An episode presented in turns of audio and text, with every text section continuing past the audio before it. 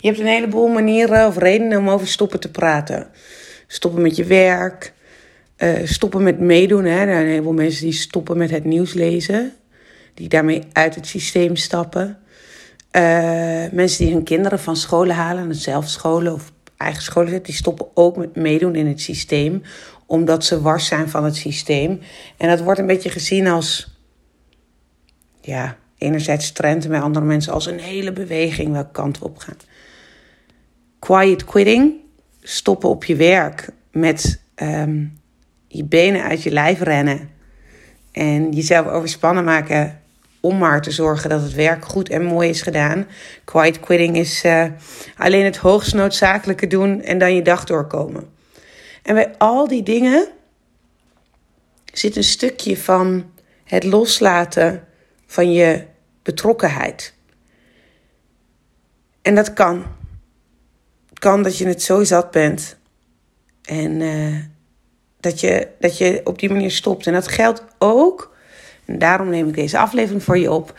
Uh, voor mensen die politiek actief zijn, die een politieke baan hebben of die een maatschappelijke baan hebben. En als je luistert, hoop ik dat jij dit vandaag net even mag horen. Als je zo'n type werk hebt en als je het niet meer ziet waar je het voor doet, je teleurgesteld raakt in het resultaat of het uitblijven van het resultaat. Soms zie je het verkeerde resultaat, soms zie je geen resultaat. Of dat je teleurgesteld bent dat je niet je tijd zo kunt besteden dat je alles wil doen, maar dat je veel drukker bent met interne aangelegenheden dan met de externe. En um, allemaal redenen waardoor je gaat twijfelen. En ik denk dat ik had deze podcast ook twijfel kunnen noemen. Want het gaat namelijk om die zelftwijfel. Die zelftwijfel komt om dezelfde tijd terug. Bij sommige mensen ieder jaar, bij sommige mensen om de twee, drie jaar. Um, dus kijk even terug, zou mijn vraag zijn of mijn uitnodiging zijn. Kijk even terug naar de afgelopen periode. Of je vaker op dat punt hebt gestaan dat je ontevreden werd. Dat je voelde, dit is het niet. En dat je zelfonderzoek zich ging richten op. En wat dan wel? Vacatures scannen. Willen we dan verhuizen? Willen we dan zeg maar die onrust? En die onrust uh, veroorzaakt door nou ja, teleurstelling, frustratie, ontevredenheid. Veel van de mensen met wie ik werk, en toevallig had ik er laatst eentje, een uh, programmadirecteur van een gemeente, uh, wiens project ineens heel politiek werd en um, waarin zij ook heel veel onprettige ervaringen had. En zij zei serieus, ja, moet ik nou stoppen? En daar heb ik hele mooie coachoefeningen bij om je door dilemma's heen te loodsen. Hè? Moet je stoppen, moet je doorgaan. Alleen ja, kan je gewoon eenmalig zo'n oefening met je gaan doen. Hier in de podcast, in de masterclass. Alleen het gaat niet over dit ene dilemma. Het gaat namelijk over de vraag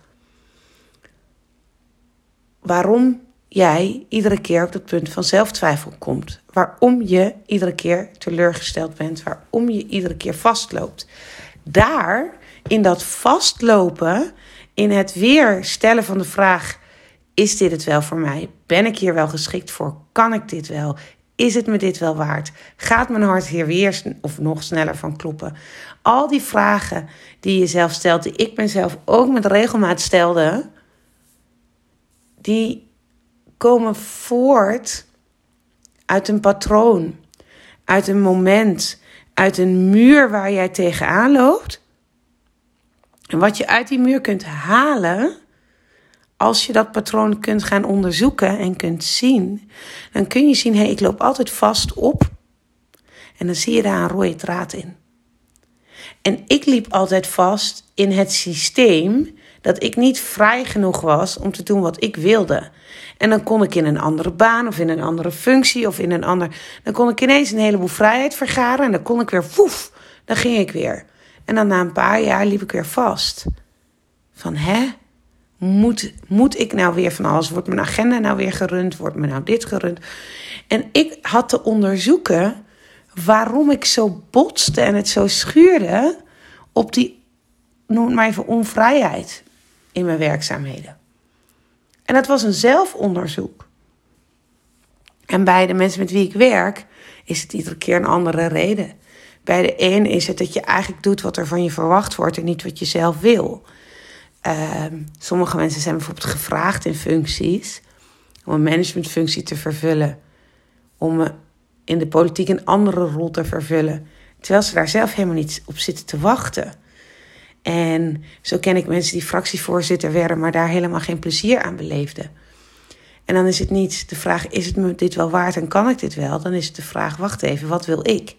En ben ik nou in, zonder een goed plan te hebben, in het plan van iemand anders gestapt, zonder me daar bewust van te zijn? Nou, dit is een van de opties. Er zijn zoveel mogelijkheden.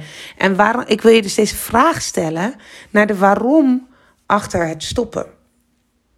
Waarom denk je iedere zoveel jaar, ik moet stoppen met waar ik mee bezig ben, het moet anders. Waarom ben je ontevreden? Waar loop je tegenaan? Die vraag, die vraag te onderzoeken, betekent namelijk dat je je drijfveren terug kan vinden en dat je je patroon kan doorbreken en dat je dus kan gaan zien, hey, iedere keer als bij mij de twijfel opkomt of ik moet stoppen of doorgaan, dan speelt er eigenlijk iets anders, namelijk dat ik niet op de juiste plek zit, dat ik niet onder de juiste voorwaarden werk. En of dat ik niet gefocust ben, of dat ik het resultaat aan anderen overlaat, of dat ik heel snel in de slachtofferrol stap. En er zijn zoveel mogelijkheden dat ik hier niet over uitgepraat kan raken als ik alleen maar in voorbeelden praat. Dus dat ga ik niet voor je doen. Maar ik ga je uitnodigen om met mij te verkennen wat bij jou die waarom zou ik stoppen vraag triggert.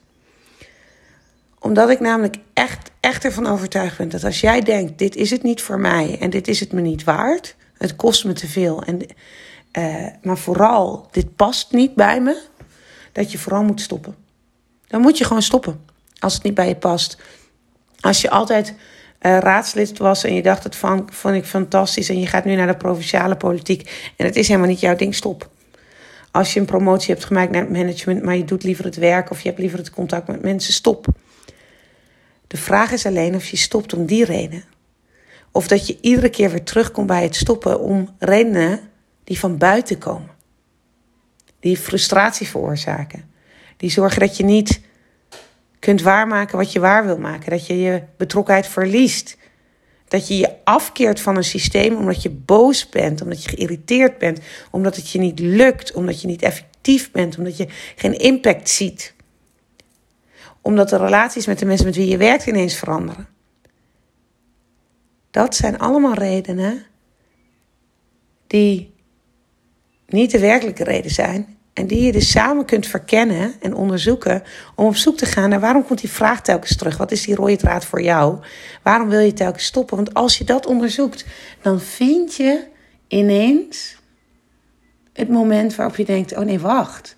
Als ik nu zo'n dilemma voor me heb, dan weet ik weer waar, waar ik de dingen voor doe vanuit mijn hart in plaats van vanuit mijn hoofd. En dan kan ik ineens op een andere manier keuzes maken. En als die vraag wel boven komt. En de vraag is of die nog boven komt.